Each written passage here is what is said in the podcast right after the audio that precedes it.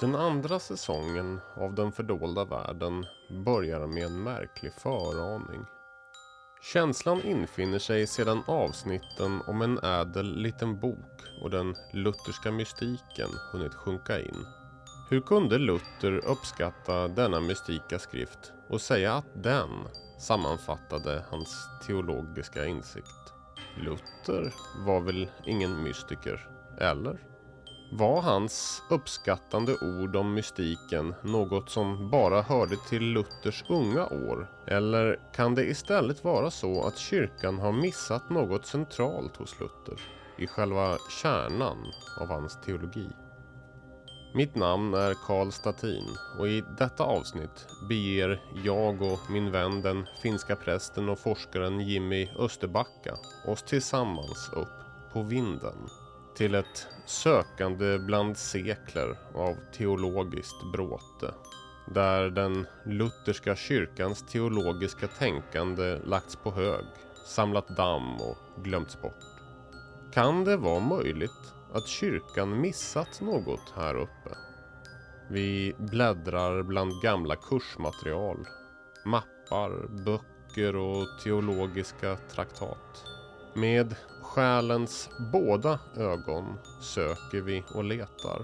Med både det i oss som ser det jordiska och det som ser det himmelska leds vi av aningen. Och det är med himmelska ögon vi till slut finner den. Den lysande skatten. Samma pärla av strålande ljus som Luther en gång fann och som vi inser kan blåsa liv i en teologisk tradition som andliga sökare ofta bortsorterar som en byråkratisk statskyrka sedan länge vilse i teologiska tankebyggnader. Dagens avsnitt av Den fördolda världen har rubriken Den bortglömda gåvan.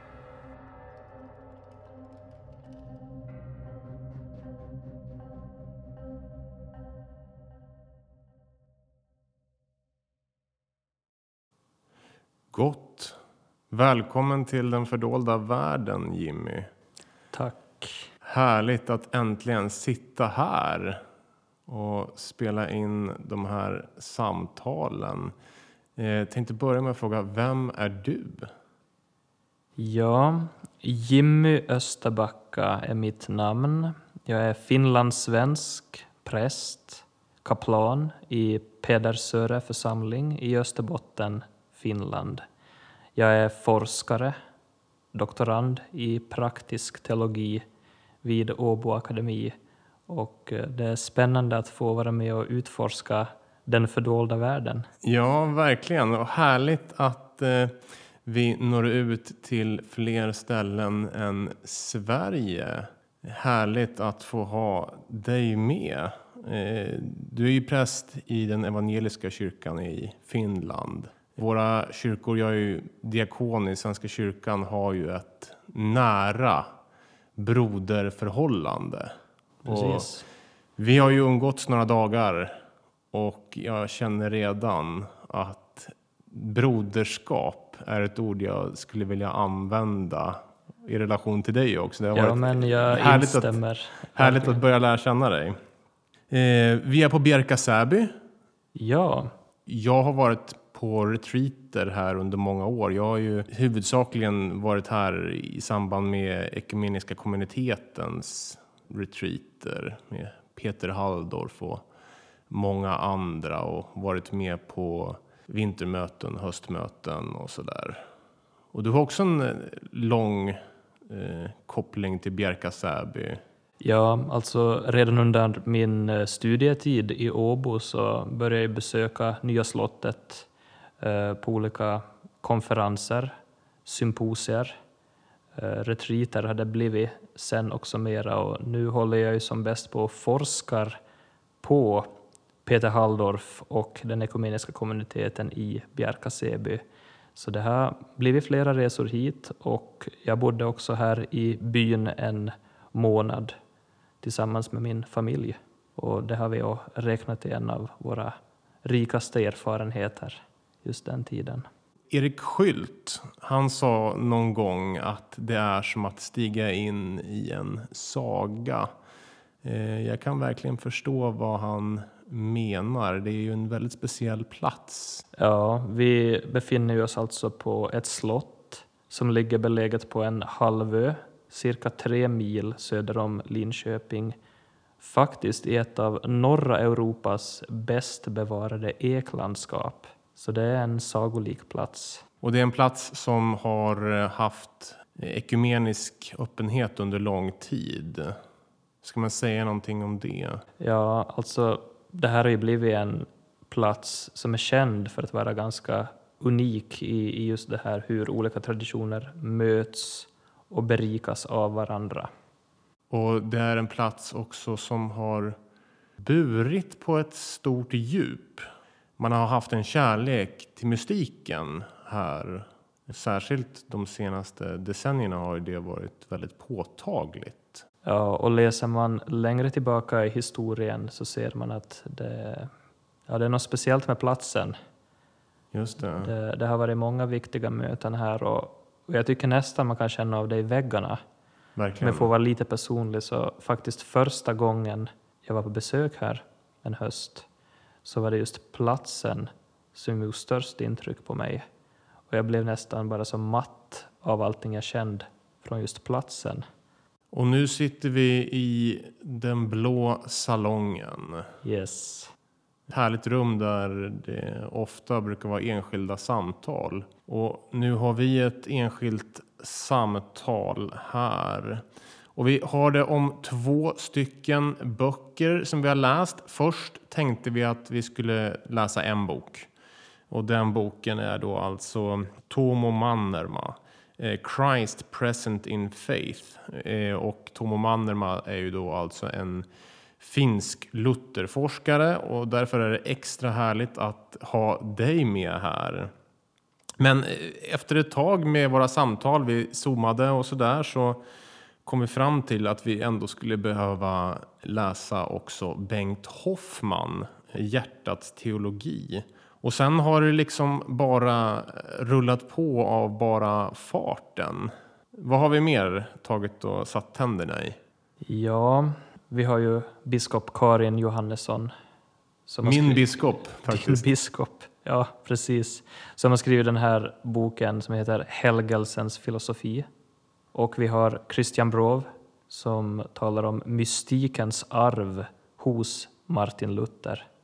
Och eh, vi har Bratton och Jensen, Union with Christ. Och sen har vi faktiskt eh, läst en liten speciell bok till av eh, Bengt Hoffman, Stilla skog. En liten diktsamling som han lät ge ut. Alla de här böckerna har ju en sak gemensamt och det är ju Luther och mystiken. Luther som mystikteolog. Vi har hittat en skatt, Ja, vi har hittat en skatt, en riktig pärla. en bortglömd gåva som vi en gång fått men kanske inte riktigt förstått storheten i. En gåva som Luther insåg vad den var, dess natur. Han förstod verkligen storheten i det. Men genom seklernas gång så har insikten om den lite grann fallit i glömska. Det är lite grann som att vi har stigit upp på vinden. Vi har tagit och eh, begett oss till en plats med flyttkartonger och bråte. Liksom längst in där man kanske inte är så ofta. För det har väl blivit lite så, tänker jag, överlag när vi pratar om luthersk teologi. Full med dammiga mappar, kartonger, spindelväv. Ja, Vi vet att det finns, men man, man, får ju, man har ju liksom det här intrycket av luthersk teologi att eh, den är ganska tråkig. Att den inte kan ge någonting. Men så finns det mitt i själva kärnan av den lutherska teologin en mystik insikt som när man börjar förstå den så öppnas verkligen allt. Så vi kommer nu att ha ett antal avsnitt där vi gräver ner oss ännu lite djupare i Luther. Vi hade ju några avsnitt under den första säsongen om Theologia Germanica, en ädel liten bok som ju var en bok som Luther uppskattade och det är ju en hög mystikklassiker. Men nu går vi in i Luther själv och upptäcker honom som en mystikteolog. Eh, någonting kanske man då ska säga om det här med, det här med bråten. Ja, Vi sa ju det här precis innan avsnittet började spelas in att vi ska försöka att inte allt för mycket snöa in oss i teologiska begrepp. Både du och jag har ju läst eh, massa teologi på universitetet. Jag har en master och du är ju forskare. Och vi har liksom tänkt att vi ska försöka ändå prata om Luther med Luther lite mer som ett bordsamtal kanske. ja, ja.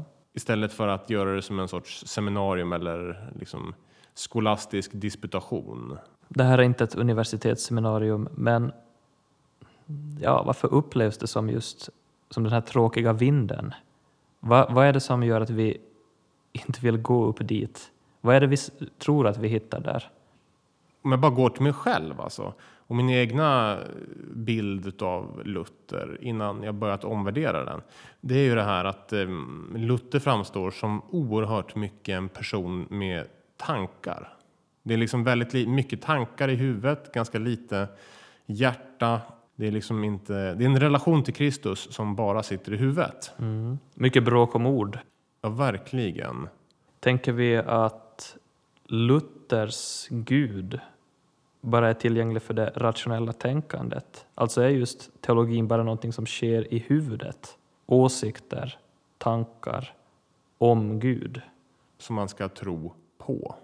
En annan sån här sak som jag tänker på det är ju det här att eh, man kan få uppfattningen att Luthers Gud är väldigt långt borta. Det finns liksom inget gudsmöte att tala om i luthersk teologi utan det är liksom den här eh, statskyrkan som står där med sina invanda ritualer och kyrkohandböcker. Vad händer här egentligen? Tror de att de möter någon gud här? Gud är långt borta i en luthersk teologi. Är det dels också den här känslan av att det kan vara lite präktigt? Kan man tänka sig att, att Luther och den lutherska kyrkan, får man vara med där om man är som man är? Eller är man fel på något sätt? Om jag skulle vilja- vara med i kyrkan, vad i mig måste då bort? Kanske att man tänker att det verkar som var, så oerhört mycket moraliska krav på en. Och samtidigt kan man ju uppleva lutherska kyrkor ibland också som oandliga, rent av förvärldsligade. Att de inte bryr sig om de här andliga upplevelserna eller den andliga fördjupningen. Eller till och med ser det som ett hot. Eh, att man blir lite orolig när, när någon börjar prata om andliga upplevelser. För det be behöver man ju inte ha. En luthersk eh, eh, gudsrelation kräver inga gudsupplevelser. Så om man är en sökare och just vill möta Gud så finns det väl ingen som helst anledning att gå till en luthersk kyrka som är så andefattig och ointresserad av gudsmötet. Men när vi har börjat gräva i Luther så upptäcker vi vid någonting helt annat. Mm. Vi har ju hittat skatten. Vi har hittat skatten! Och det, det är verkligen, eh, jag kan säga så här. Jag höll på att falla ur stolen när jag började förstå vad alltså, den lutherska teologin egentligen handlar om. Alltså jag har gått runt och känt, jag har blivit lurad. Alltså det, det är liksom känslan. På något sätt så har Luther, den sanna Luther, har försvunnit i glömskan. Men den var där ändå. Och vad är den då? Vad är då själva den här skatten i den lutherska teologin? Vad är själva, vad är den här för pärlan? Om vi sammanfattar den i latinska ord så skulle det låta så här. In ipsa fide Christus adest. Och vad betyder det? Att Kristus själv är närvarande i tron. Och då kan någon säkert sitta här och undra, jaha, och vad, vad betyder det då? Vad innebär det? Vad innebär det att Kristus är närvarande i tron? Ja, jag tänker så där att man kan ju ibland få det här intrycket, som vi har berört lite redan, att den lutherska teologin skulle tänka sig att Gud är långt borta och att han har kanske ganska lite att göra med oss människor. Men ja, hur långt borta är Gud egentligen? Faktum är att det inte är jag som tror. Själva frågan om tro och vad tro är, är inte någonting som har att göra med någon sorts uppfattning. Det är inte Karl eller Jimmy som har en uppfattning om någonting som rör det gudomliga. Det är inte det som är tro.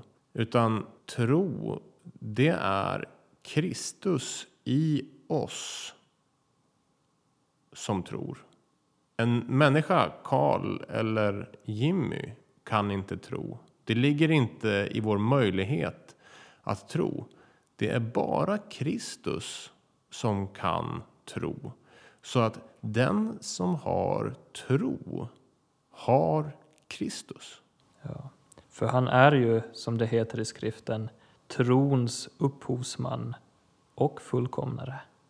Det är Kristus i mig som är den som tror. Kristus är helt och hållet närvarande. I det faktum att jag överhuvudtaget tror så är Gud närvarande. Kristus finns i tron. Ja, Luther uttrycker det bland annat på det här sättet att kanske har jag en mindre tro och den andra en större.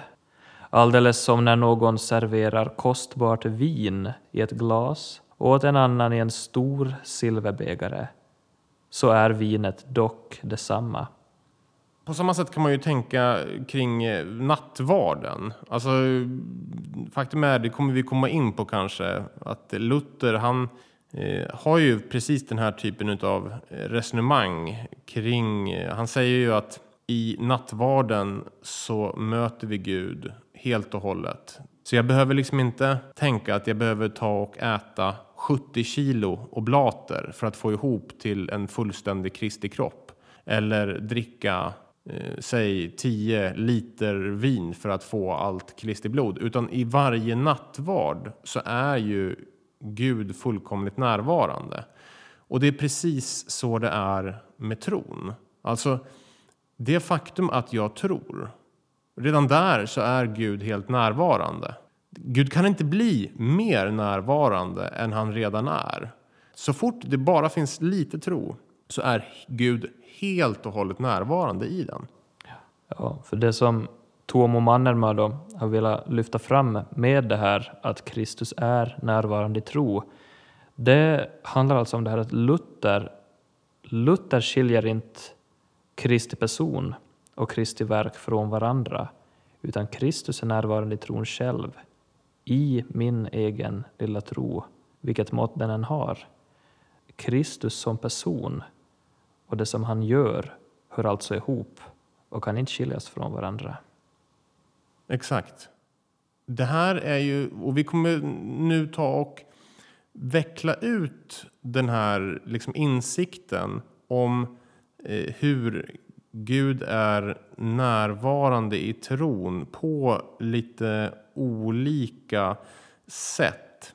Luther, han, eh, om man ska bara gå till såna här klassiska lutherska begrepp för att liksom se hur de har att göra med Kristus närvaron genom tro. Om man till exempel tar och går till rättfärdiggörelsen. Det är ju ett begrepp som verkligen hör hemma i de dammiga mapparna för mm. många människor. Men också är ett begrepp som du som präst och jag som diakon ofta jobbar med. Vad innebär rättfärdiggörelsen? Vad är rättfärdiggörelsen utifrån den här insikten att Kristus finns närvarande i tron? Ja. Rättfärdighet är ju kanske inte ett ord man använder jätteofta i vardagligt tal numera. Eh, sådär enkelt brukar jag ibland förklara det för till exempel mina konfirmander att, att rättfärdighet handlar om att man är så att säga rätt och färdig. Du är rätt och färdig. Det finns ja, inga fel på dig, inget att anmärka på. Det är högsta betyg. Precis. det, det, kanske säga inga missar på vägen nästan heller, utan det är ju som det har varit fläckfritt. Kristus är rättfärdigheten. Alltså det är ju mycket i våra liv som varken är rätt eller färdigt. Men Kristus har kommit för att dela sin rättfärdighet med oss. Det här kan ju, det är ett begrepp som är så oerhört juridiskt laddat. Hela, liksom, kan man säga, den västliga kyrkan från Augustinus och Tertullianus och de tidiga teologerna och liksom genom hela den katolska historien. Luther var ju en katolsk teolog, eh, har ju den här så att säga ofta tendensen att prata ett teologiskt språk som har en väldigt juridisk laddning. Luther själv använder ju ett sådant språk, men vi kommer ju märka att det har inte alls bara med juridik att göra. Nej, för precis. Gräver man lite djupare så hittar man att här finns, här finns många dimensioner som man ibland missar. Eh, Hoffman, vår vän här, har ju eh, belyst det här att rättfärdiggörelsen handlar om att människan blir utretad av Gud från sin inkrökthet i sig själv. Och inkröktheten, det är ju ett begrepp som vi gick igenom i Teologia Germanica, en ädel liten bokavsnitten. Han får ju det begreppet från den tyska mystika miljön. Och det är ju lite intressant också rent eh, religionshistoriskt att eh, det där begreppet är ju någonting också som eh, hänger samman med det här med att bli alltså uträtad och upprätt. Hos Platon så möter man ju den här idén om att eh, upplysningen, att verkligen bli en sann människa, det är någonting som hänger ihop med att ställa sig upp. Alltså djuren går på alla fyra, men människan står upp. Människan är upprätt, uträtad, rättfärdig, upprättad. Att stå med fötterna på jorden, men också kunna ha huvudet i himlen. Och där tänker jag också då på Kristi uppståndelse. En sak som jag tänker är viktig för att börja förstå storheten i vad det här handlar om, det är ett saligt byte. Ja, Vad är det saliga bytet? det saliga bytet att han, Kristus, har tagit min synd, min skuld, allt mitt elände och jag får hans rättfärdighet. Hans rättfärdighet är min. Ja, och i den så ingår det ganska mycket. Det är liksom ett, en sorts plusmenypaket gånger 10 miljoner. Det är liksom allt du vill ha och mer därtill. En sak som ingår i det här är ju faktiskt gudomliggörelsen. Gud ger sig själv till mig. Gud tar min synd och ger sig själv till mig. Och vad har jag då fått? Jag har fått Gud. Och inte på ett sätt som är utanför mig, utan helt och hållet i mig. I själva det här bytet så får Gud min synd och jag får Gud. Och vad blir jag då? Det är ju lite speciellt. Gudomliggörelsen ni pratat om tidigare i podden. Japp. Man kan väl säga att Tomo Mannerma då, hans ärende är att själva den här idén om gudomliggörelsen också är faktiskt närvarande i hela Luthers teologi. Luther säger ju så här. På samma sätt som Guds ord blev kött, sannerligen på samma sätt är det också nödvändigt att köttet blir ord. Kraften blir kraftlös för att kraftlösheten må bli kraftfull. Logos tar på sig vår form och vårt mönster, vår bild och likhet. Visheten blir dåraktig så att dåraktigheten må bli vishet. Och på det här sättet är det också med allt annat som är i oss. respektive hos Gud. Han tar det vi har för att på detta sätt ge sig själv och det han har till oss. Likadant så säger eh, Luther i en, eh, jag tror att det är från en predikan. Han säger så här att vi blir deltagare i den gudomliga naturen. Så upphöjda i kunglighet att vi inte bara älskas av Gud genom Kristus och får hans favör och nåd, men också att ha honom, Herren själv, inom oss i hans fullhet. I själva gåvan så finns Gud själv. Det är Gud själv som är gåvan. Och genom att vi får den så har vi Gud i sin helhet. Inte utanför oss, utan helt förenade med oss. Faktum är att Luther säger att det är en förening som är identisk med den förening som Kristus har mellan sin mänsklighet och gudomlighet. Det finns ingen skillnad på vår förening med Gud och den som människan Jesus i sina två naturer. Det, det här är ju chockerande ja, för ja. någon. Och, och det handlar ju om Guds kärlek till oss. Så Luthers ärende, det han vill säga är alltså, han vill inte se ett andligt program där vi tar oss från det här läget som vi har som människor upp till Gud. Utan Luther vill berätta understryka att det är Gud själv som tar sig ner till oss och att vi genom den här Guds rörelse som förenade med Gud redan nu är i himmelriket. I Kristus och tron så är vi i himlen, säger Luther.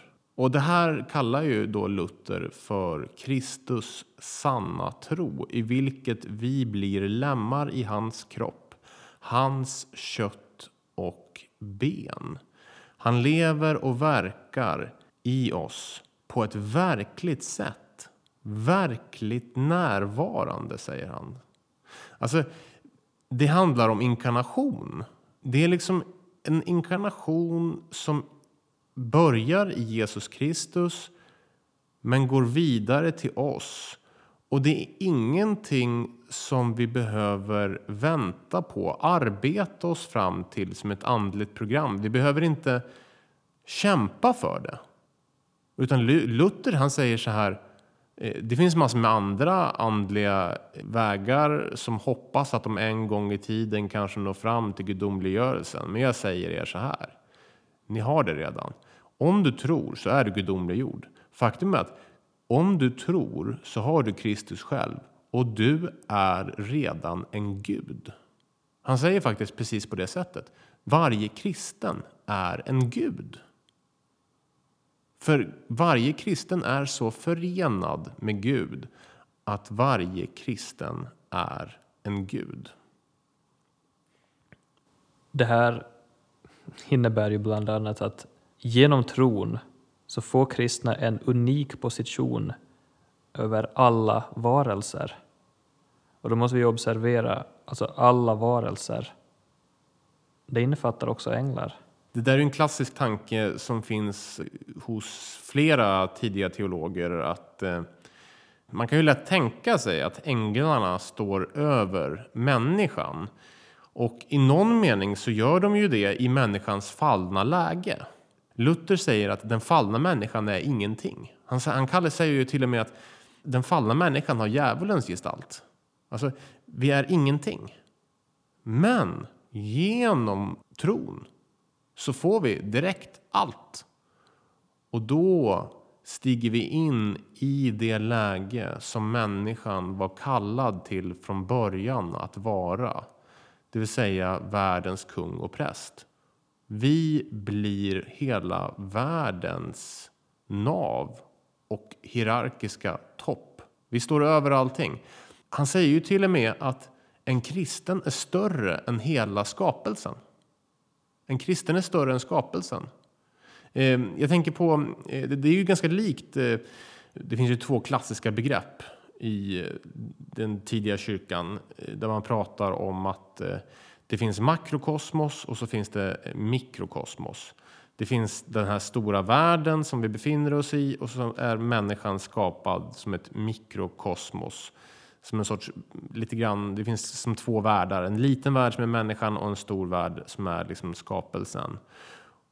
Och Gregorius av Nyssa, han vänder ju på det där och säger att människan är ett makrokosmos som rör sig i ett mikrokosmos. För människan är mycket större än världen. Och Luther har samma insikt.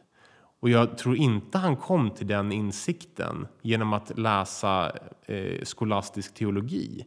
Utan det här har vi Luther som andlig liksom visionär. Det här, är, det här är den lutherska insikterna. Här börjar man förstå vilken teolog han är. Ja. Det här är en person som sitter alltså här i Wittenberg och på de här ställena och har de här genomgripande insikterna. Människan är större än världen. För vi har Gud i oss och Gud är långt större än allting skapat.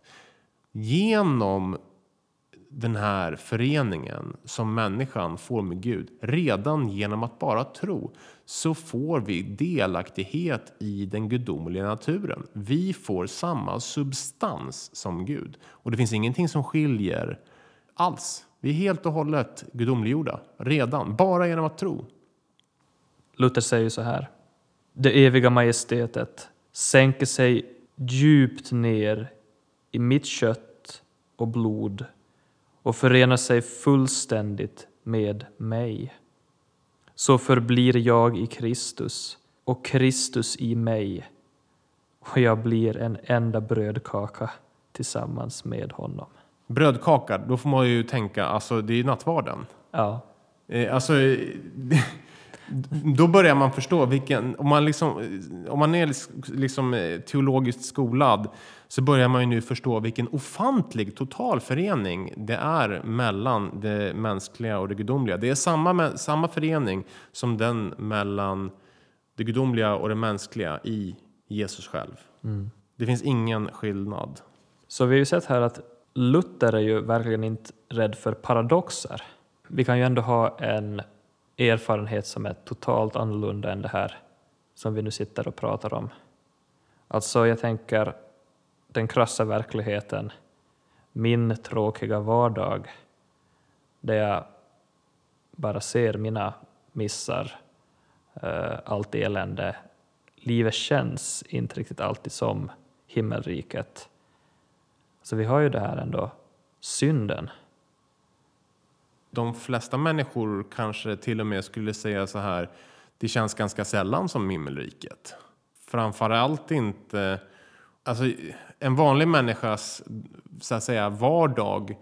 Det är ju inte som att man känner sig som Jesus själv när han eh, går runt i Kafarnaum eller på Jerusalems gator. Liksom, det är ju något mer nedtonat, den gudomliga närvaron. Och Luther han, sätter ju, han har ju ord för det här. Ja, det hör han. Han har inga som helst problem med att säga att även om vi är gudomliggjorda så finns fortfarande den här verkligheten att synden finns med. Det finns ju ett klassiskt ord som säkert många känner till som har läst lite teologi. Eh, alltså samtidigt rättfärdig och syndare. Ja, simul justus et peccator.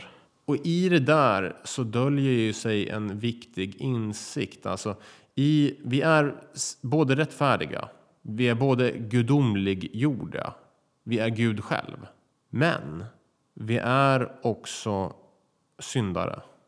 Vi är fortfarande synden. Och det gäller ju faktiskt också Kristus på ett sätt. Han har ju tagit på sig vår synd. Ja, och det där berörde ju i avsnitten om Gregorius av Nyssa. Exakt. Ja. Alltså, Gud blir ju ett med synden. Och Luther, han tar ju fasta på det här att Eh, det är inte bara så att människan är både rättfärdig och syndare. Utan det här är någonting som därmed gäller Kristus. Ska vi säga någonting om det? Mm. Alltså det som det här handlar om ju är ju att i sin mänskliga natur bär också Kristus alla människors synd. Att i hans gudomliga natur så är han evig, oändlig rättfärdighet och liv. Och Kristus vinner kampen mellan synden och rättfärdigheten då. Och allt det här kampen som han går segrande ur, det äger rum i hans egen person. Ehm, det finns ett intressant ställe där Luther pratar om den här med hur, vi, hur Kristus hänger samman med synden. Han säger så här om hur Jesus förenade sig med synden och till och med är den största syndaren. Ja. Han säger så här. Detta var vad det gamla testamentets profeter skådade. Att Kristus skulle bli den största tjuven, mördaren, äktenskapsbrytaren, rånaren, skändaren, blasfemikern som någonsin funnits i världen. Kort sagt äger han och har han all synd från alla människor i sin kropp. Inte på ett sådant sätt att det var han som syndade, men i bemärkelsen att han tog dessa synder som vi har gjort in i sin egen kropp. Därför betraktar vi Kristus bland tjuvar, trots att han själv är oskyldig. Genom sin fria vilja och genom Faderns vilja ville han dela med sig av sig själv till dem som var tjuvar och syndare. Därför är Kristus försänkt i oss alla. Och så fortsätter han. Men är det inte absurt och förolämpande att kalla Guds son en syndare och en förbannelse? Om du vill förneka dock att han är en syndare och en förbannelse, så förneka då också att han led och att han korsfästes och dog. Dessa saker som vår tro bekänner och ber, att Guds son blev korsfäst, genomgick syndens plåga och döden, de är inte mindre absurda än att säga att han var en syndare och en förbannelse. Så Gud har förenat sig med synden och är den största syndaren av alla. Och Glutter han inser hur extrem sak det är att säga det här och kontrar med att säga det här är inte konstigare än att säga att han blev korsfäst, att han dog, att han led. Det var ju en förbannelse som låg över korset. Ja, skandal. Och, och Tuomo Mannerma vill alltså visa det här att Luther också kopplar de två naturerna hos Kristus, alltså Jesu gudomlighet och Jesu mänsklighet, till just rättfärdigheten och respektive synden. Att genom sin gudomlighet är Jesus rättfärdighet, gudomlig kraft, välsignelse och liv. Men genom sin mänsklighet har Jesus också försänkt sig i synden och tagit den helt in i sig, i sin egen person. Han är den största syndaren, den enda syndaren och Jesu möte och seger över synden, döden och förbannelsen, den äger rum i Jesu egen person. Luther som han är så går han ju också till skriften för att visa det här. Exakt. Han säger, är det inte Kristi egna ord som profetiskt uttalas i psalmerna? Och då syftar han ju alltså på saltaren i Bibeln. Till exempel i Saltaren 40 så läser vi så här. Jag hotas från alla håll av olyckor utan tal. Mina synder har hunnit upp mig, jag förmår inte se dem. Och det är Jesu egna ord, säger Luther. Det här handlar om den här föreningen. Ja. Och vi kan ju fortsätta i nästa psaltarpsalm, Psaltaren 41, där vi hittar orden Jag sa, Herre, visa mig nåd. Gör mig frisk jag har syndat mot dig. Och du känner min dårskap, Gud. Min skuld är inte dold för dig. Gud själv har tagit på sig vår synd. Han är den största syndaren av alla. Han är den enda syndaren, för han har ju tagit på sig all synd. Om han har tagit min synd, då är inte jag någon syndare. Om han har tagit på sig din synd och alla andras synd, då är inte de syndare heller. Om han har tagit på sig all synd, vem har då synden? Ja, det har ju han. Ja. Han är den som är syndaren. Han är den enda syndaren och han är den största syndaren. Tänk vilket saligt byte. Det är ju, alltså, om man bara börjar liksom förstå, det här är ju helt enastående. Och jag tror alltså att det här, det här är någonting man behöver meditera mycket om för att det faktiskt ska sjunka in. Alltså till och med för tanken är det ju som svårt att omfatta vidden av det här. Alltså det är som att man sträcker sig tillbaka. När man hör det här så är det som att man liksom nästan sträcker sig tillbaka efter synden och nästan vill ta på sig den igen. Och liksom, men det är ju min synd. Det Hur, hur går det här ihop? Exakt. Så, och så bara sträcker man sig fram till Kristus och så säger man nej men släpp, släpp, jag vill inte att du tar på dig det där. Det här är min synd, jag vill inte att du ska ha den. Det är precis så det känns. Man liksom, men, det, men det är ju min synd. Det är ju jag som gjorde det här. Nej, säger han. Jag är den som äger den här synden nu, inte du. Det är min synd, säger Gud till dig. Ta det lugnt. Jag har tagit på mig det där. Det här är ju någonting som Luther kallar den sanna teologin. Alltså, och han drar slutsatsen då till slut också att det finns ingen synd kvar i världen. Där Kristus härskar finns varken synd, död eller förbannelse. Och så säger han, det är precis det här som vi bekänner när vi säger jag tror på en enda helig allmännelig kyrka. Det vill säga kyrkan, alltså det är inte kyrkobyggnaden, utan alla kristna är heliga. Det är det som är någonting som vi säger i trosbekännelsen. Varenda kristen, som är ju då kyrkan, är helig, perfekt. Och så säger han så här, men om vi bara tar vårt förnuft till fånga liksom, och så tittar man med sina ögon och så ser man på saken så tänker man att, men vänta nu. Alla personer som jag känner i kyrkan, de, där finns det ju massor med synd. Jag har eh, eh, kanske haft ett gräl med någon kollega eller och så säger man så här, men det finns ju visst massor med, det är inte perfekt. Det är inte så att när en människa stiger in och liksom stiger in i kyrkolivet att den har stigit in i himlen utan den har ju stigit in, det finns massor med jobbiga saker som pågår Yes. i, i kyrkan. Och så säger han så här, ja absolut, du, du ser precis som det är. Det är så att det finns synd i kyrkan.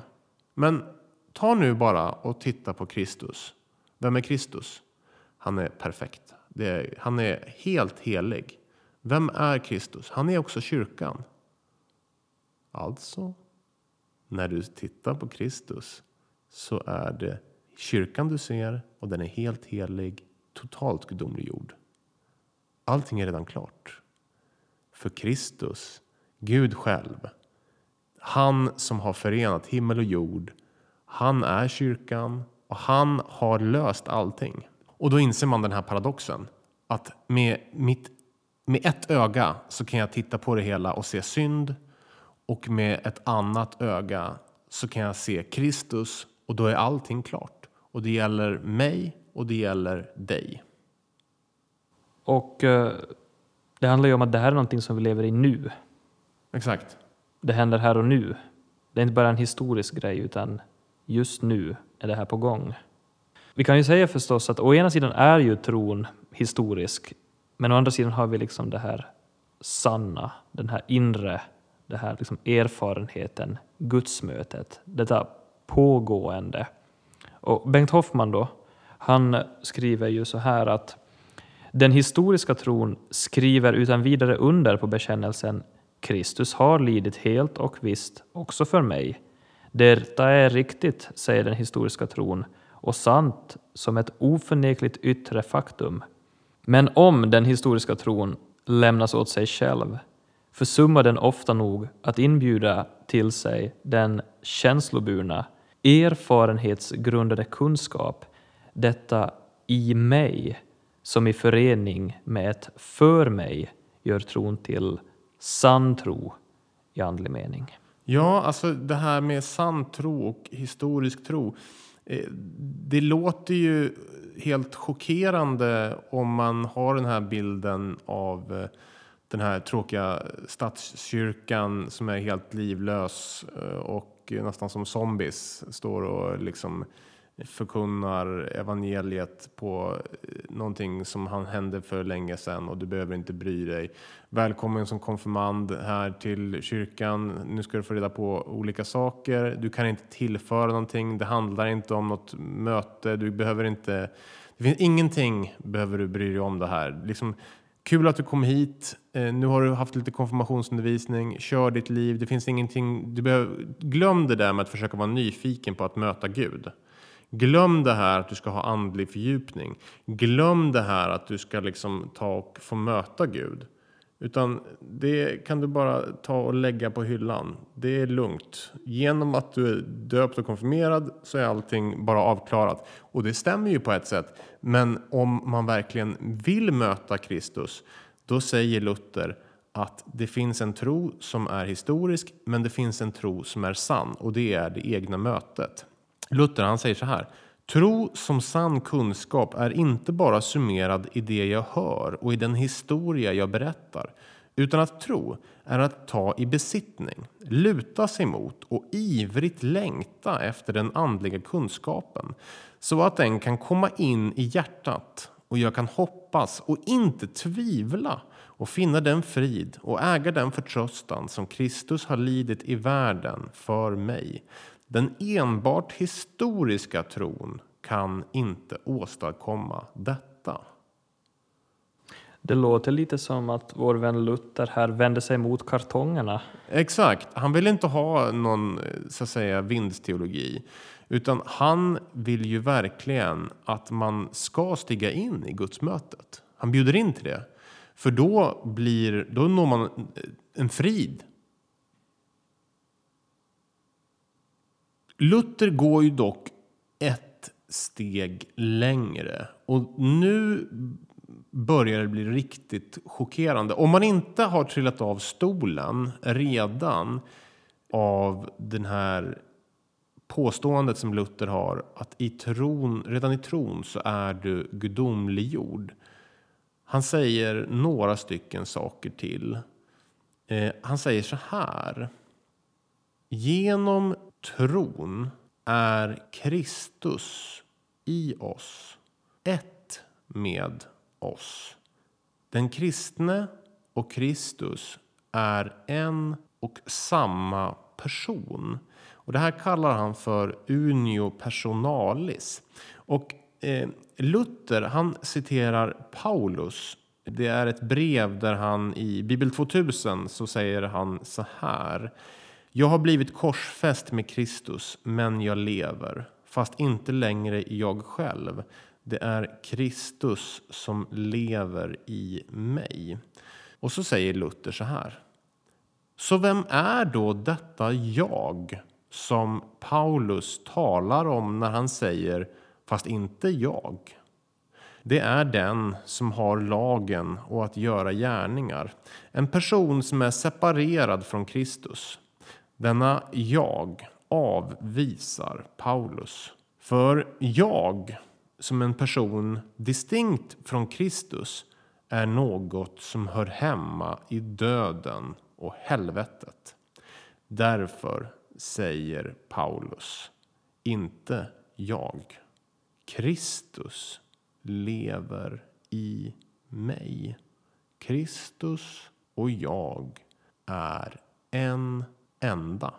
Och vi kan ju fortsätta hur Luther är så mån om att vilja lära ut det här som det känns som nu att vi har misslyckats med i den efterföljande traditionen. Men han säger ju så här, alltså Luther, då, att tron måste läras ut korrekt. Nämligen att du genom den är så förenad med Kristus att du och han är en enda person, oseparerbara för evigt förenade, som uttalar orden Jag är Kristus. För genom tron är vi förenade i en enda kropp. Och därför säger Efesierbrevet Vi är ju delarna som bildar hans kropp. hans kött och hans ben. När det kommer till rättfärdigheten, om du skiljer Kristi person från din egen, då är du i lagen. Du är kvar i lagen och lever i dig själv, vilket betyder att du är död i Guds ögon och dömd av lagen. Du är en enda person med Kristus. Om man, är, om man har någorlunda lite koll på den kristna teologin eh, kring frågor som rör treenighetsteologi, liksom den kristna laddningen i begreppet person. Då inser man vad, vilka, vilka extrema saker som Luther säger här. Du och Kristus är en enda person. Det är inte bara så att du har gudomlig natur. Det är inte så bara att du och Kristus har samma substans.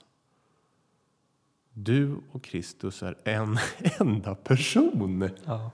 Ibland tänker jag så här. Jag kommer ihåg när jag först började läsa de här finska Lutherforskarna. Det kändes som att jag skulle liksom kunna vakna upp plötsligt och inse att jag drömde. Det är liksom samma overklighetskänsla. Hur kan Luther ha sagt de här sakerna? De är ju fullständigt extrema. Mm. Du och Kristus är en och samma person. Och vi måste ju kanske säga här också, det finns ju beröringspunkter verkligen med Teologia Germanica. Ja, verkligen. Och, och, och Luther, när han lyfter fram de här sakerna, så det är ju inte bara han som hittar på det här, utan vi vet ju att han använde också Teologia Germanica, en äldre mystiktradition, för att legitimera sina teologiska insikter. Det är synd att Teologia Germanica inte är någonting som är obligatorisk läsning på våra präst och diakonutbildningar. Det är ju någonting som man önskar skulle kunna rättas till. Den boken var ju hans favoritbok efter Augustinus och Bibeln. Och där har man ju liksom själva kärnan av det här finns ju precis där också. Den som fortfarande har, eh, som, säger, som säger jag, ett jag skilt från Gud, den är kvar i det som Luther kallar lagen, den gamla världen, den gamla Adam. Det här är ju extrema ord. Eh, det skulle ju kunna låta som att eh, vi säger att det enda sättet att vara kristen är att ha det här otroliga anspråket. Och då ska man ju komma ihåg att Luther är ju inte en systematisk teolog på det sättet att han så att säga tar och dömer alla som inte hävdar detta till evig fördömelse. Det är inte det som är själva poängen, för redan genom att du tror så är ju Kristus närvarande i dig.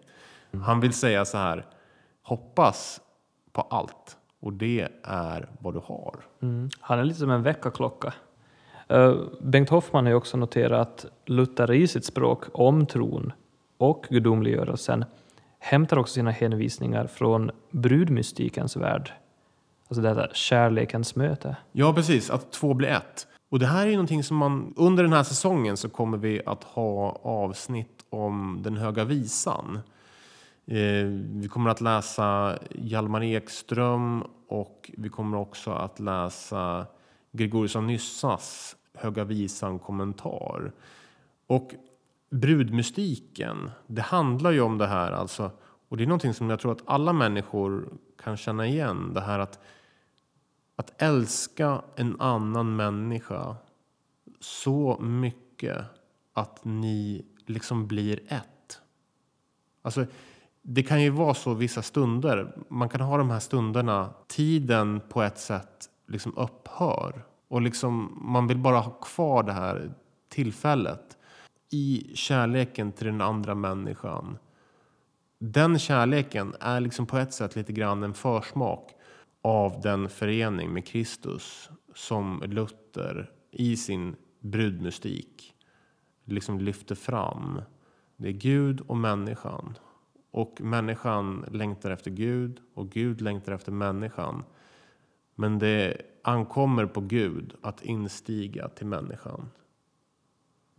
Och Gud stiger in i mörkret, i synden, i allt elände Ja, och söker oss. och blir ett med oss. Ett hemligt bröllop, säger Luther. Och eh, han säger också, du får i tillit och glädje göra anspråk och Kristi själ som din egen. Som en brud i hjärtlig förtröstan litar på sin brudgum och betraktar sin brudgums hjärta som sitt eget.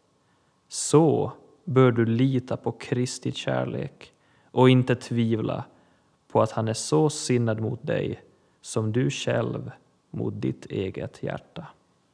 På ett annat ställe så säger ju också Luther så här.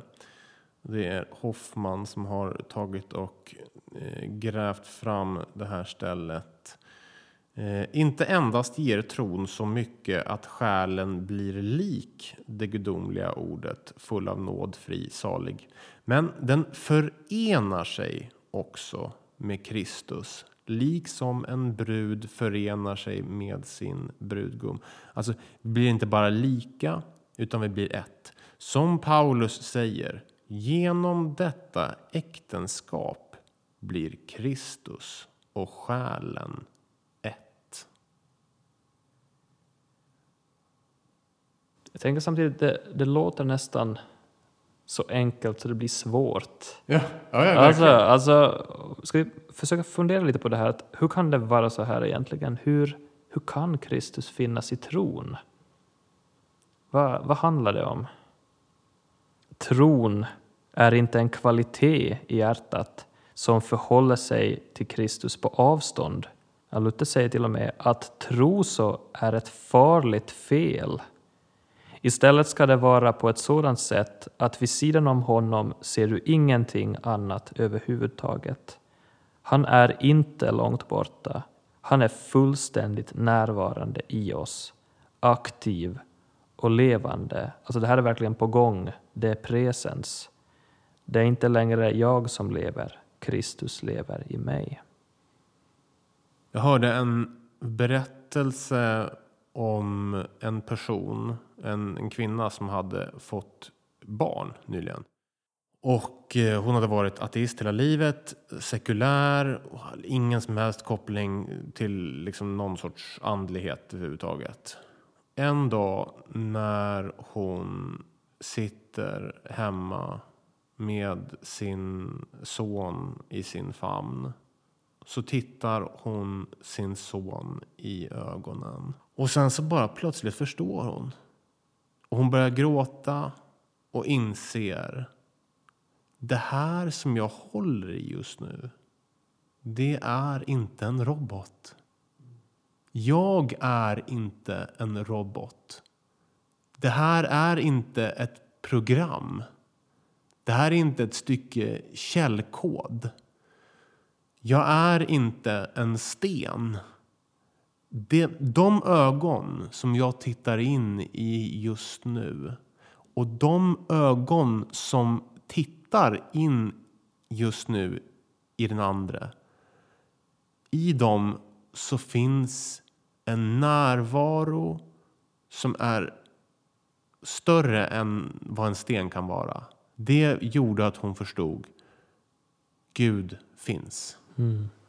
Och det är någonting av det där, tänker jag, som Luther ringar in med det här med tron. Alltså, bara det faktum att min, mitt medvetande sträcker sig mot det gudomliga. Redan där, så i den förundran, så finns Gud närvarande. Ja, för det är ju det, är det här som är en av Mannemars poänger enligt skolastisk teologi då, som Luther gick hårt mot i sin kritik. Där ansågs då tron vara en sorts osäker kunskap, alltså ett antagande. Och Luther menar ju då att något sånt kan ju inte på något sätt kunna göra att man blir frälst. Det är ju Gud som frälser, befriar, räddar, för oss till ljus, liv och salighet. Alltså måste tron vara Gud själv. Så man skulle kunna säga att Luthers uppfattning om tron, man förstår inte korrekt om man tänker sig att Kristus bara är trons objekt, alltså något man tror på, på samma sätt som något föremål kan vara objekt för mänsklig kunskap då, utan snarare är Kristus subjektet, den som tror. In ipsa fide, Kristus adest.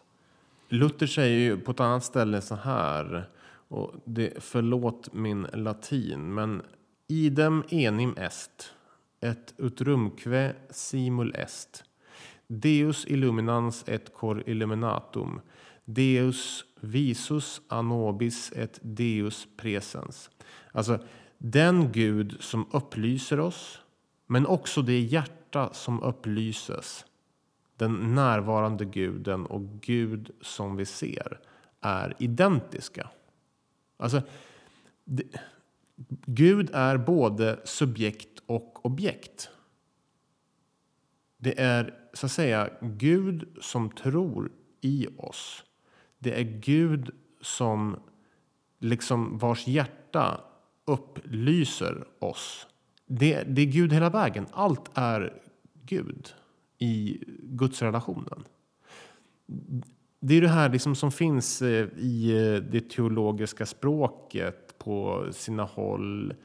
Alltså att eh, det är bara gudslikheten i oss som kan uppfatta Gud. Det är inte med våra fysiska ögon som vi ser Gud, utan det är med vår himmelska blick som vi ser Gud. Och den himmelska blicken, för att den ska kunna se Gud, måste den ju vara gudomlig. Därför är den Gud själv. Det är Kristus blick som ser Gud. Mm. Det kan inte vara någon annan. In ipsa fide Christus adest. I sina förklarande noter då till Saltaren så noterar Hoffman att Luther tar upp följande sätt att beskriva vad det är. Kallelsen till det osynliga, den hemliga andliga kraften, Gud som allt i alla samt sammanträffande mellan själen och Gud. Jag tänker att vi ska börja gå ner till landning. Ska vi säga någonting då avslutningsvis om Mannerma och Hoffman? Eh, har du lust att säga någonting om Mannerma? Mm. Tuomo Mannerma var alltså professor i ekumenisk teologi vid Helsingfors universitet i Finland. Då. Det var alltså faktiskt utifrån ekumeniska samtal med den rysk-ortodoxa kyrkan Eh, och de här samtalen blev initierade då av den evangelisk-lutherska kyrkan i Finlands ärkebiskop Martti Simojoki i början av 70-talet då, som Tuomo Mannerman då kom att leda den här utvecklingen av den nya finska tolkningen av Luther. Och det kommer alltså från samtal, möten med den ortodoxa traditionen. Och det här nya paradigmet och den här nya forskningen som Mannerman började leda, det handlar alltså om att undersöka Luthers syn på frälsningen på ett sätt som mera liknar den östliga ortodoxa läran om just gudomliggörelsen. Så här avviker alltså Mannerman lite från de här etablerade tyska tolkningsskolorna av Luther. Han fokuserar alltså på det här som vi har berört om Kristi egen närvaro i den troende. Och 1979 så kommer då den här boken av Mannerma, In ipsa fide Christus adest, Luterilaisen ja ortodoxisen kristunus uskon käsityksen leikkauspiste. Alltså här är då syftet att undersöka om den lutherska förståelsen av den kristna tron inkluderar ett teologiskt motiv som är analogt med läran om gudomliggörelsen, som då är en central lära i den ortodoxa förståelsen av den kristna tron. Det är ju, tänker jag, intressant att det är just i Finland som det här händer. Om jag har förstått saken rätt så har ju ni två statskyrkor. Den eh, evangeliska kyrkan och den finska ortodoxa. Och eh, det var i relation till den ryska ortodoxa kyrkan som eh, då det här samtalet, det här eh, ekumeniska samtalet ägde rum där Mannerma var en viktig person i att formulera en sorts utgångspunkt för gemensamma samtal. Mm. Mannerma, han dog 2015. Mm. Eh, och eh, han har ju idag många som har följt efter hans spår, utvecklat vidare. Vi nämnde tidigare den här eh, boken eh, av eh, Braten och Jensson som ett tydligt exempel. Det finns ju många teologer, jag tänker på till exempel Kirsi Stjärna och andra som så att säga har gått vidare och inte nödvändigtvis allihopa är någon sorts Mannerma-kopior. Men som har dragit Mannermas, har fortsatt Precis. att eh, dra vidare åt lite olika håll. Ja. Och, och det är intressant där med det här mer ska vi säga då, internationella genomslaget där. Alltså jag tänker då inte minst i USA. För vår vän Bengt Hoffman här nu då som vi gärna läser av, så han har ju inte alls varit lika synlig. Fast Nej. han har också varit verksam i USA. Precis, han är verkligen bortglömd. Ehm, Jag har ju tagit och eh, försökt gräva i eh, Hoffman. Jag har intresserat mig honom ända sedan vi läste Theologia Germanica och jag har lyckats ta och faktiskt gräva tag på en del. Det har inte alltid, det har inte varit helt eh, alldeles lätt faktiskt. Men han föddes i Kina 1913. Hans pappa var, jobbade på en mattfabrik. Okej. Så han har en, eh, han har liksom en arbetarbakgrund.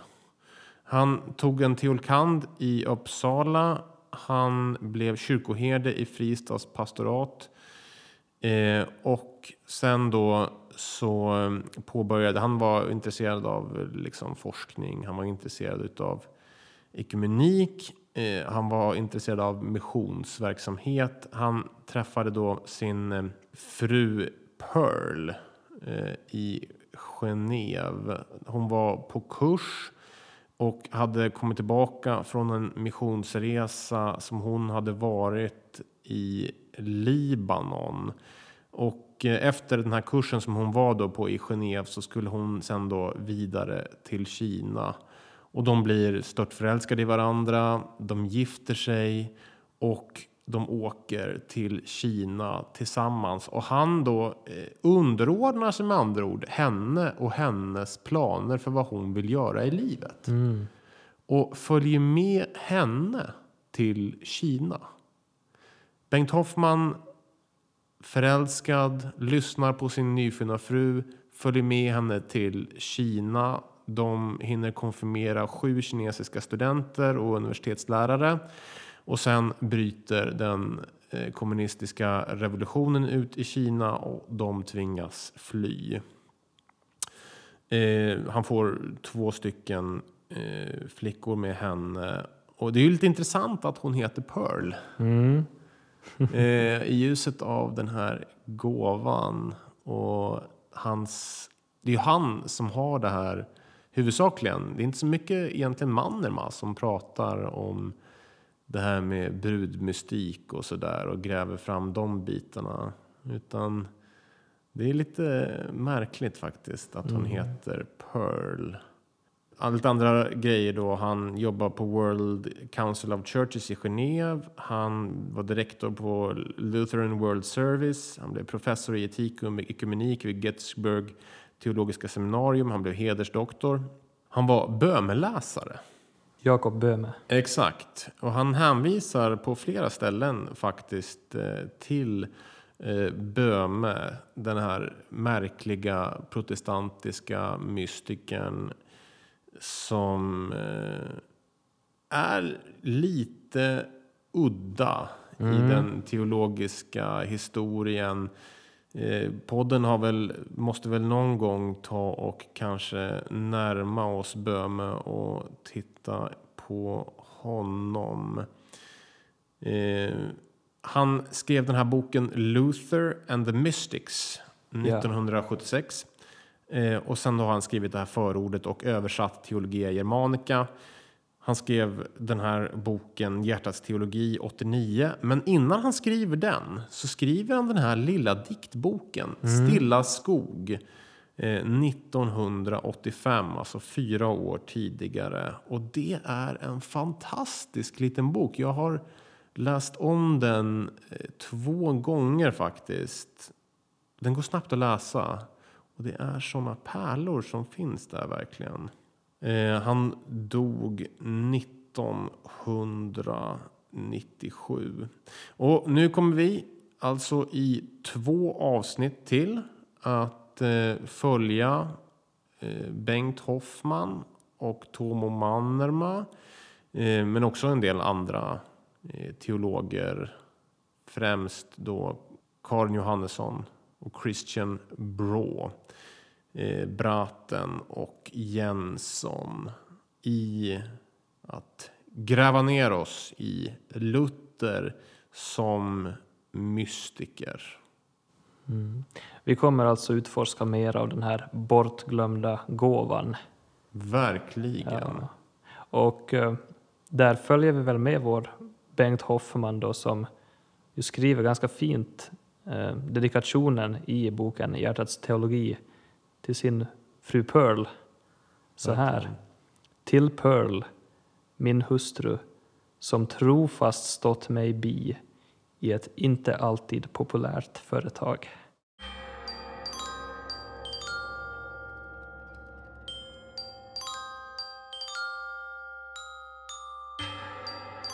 Du har lyssnat på Den fördolda världen. En podd om kristen mystik och det inre livet. Vår hemsida finner du på hjärtatsbon.se. Skriv gärna upp dig på det nyhetsbrev som podden, nätverket Hjärtats bön och nätverket för mystagogiskt lärande med ojämna mellanrum skickar ut. För information om exempelvis framtida digitala seminarier. På hemsidan finns också information om hur du kan delta i någon av Svenska kyrkans lokala Hjärtats böngrupper, fysiskt eller via nätet. Samt hur man kan komma i kontakt med nätverket Hjärtats bön och nätverket för mystagogiskt lärande. Båda verksamma inom Svenska kyrkan. Där hittar du med tiden en kort och längre förinspelad introduktion till Hjärtats bön samt växande antal inspelade vägledningar som du också kommer hitta på ett separat podcastkonto med namnet Hjärtats bön. Om du skulle önska boka in föreläsningar om de ämnen som podden behandlar så är det möjligt att göra det då det är något som flera av oss kan göra i tjänsten. Om ni skulle vara en församling inom Svenska kyrkan som bokar oss innebär bokningsavgifterna i praktiken att pengar går från en församling till en annan. Hör av dig till poddens redaktion för mer information, också i det fall då du har andra tankar om samarbete. Den som vill vara med och fortsätta samtalet är varmt välkommen till vår chattkanal på appen Signal. Du finner en länk för att gå med i gruppen i textflödet som hör till avsnitten.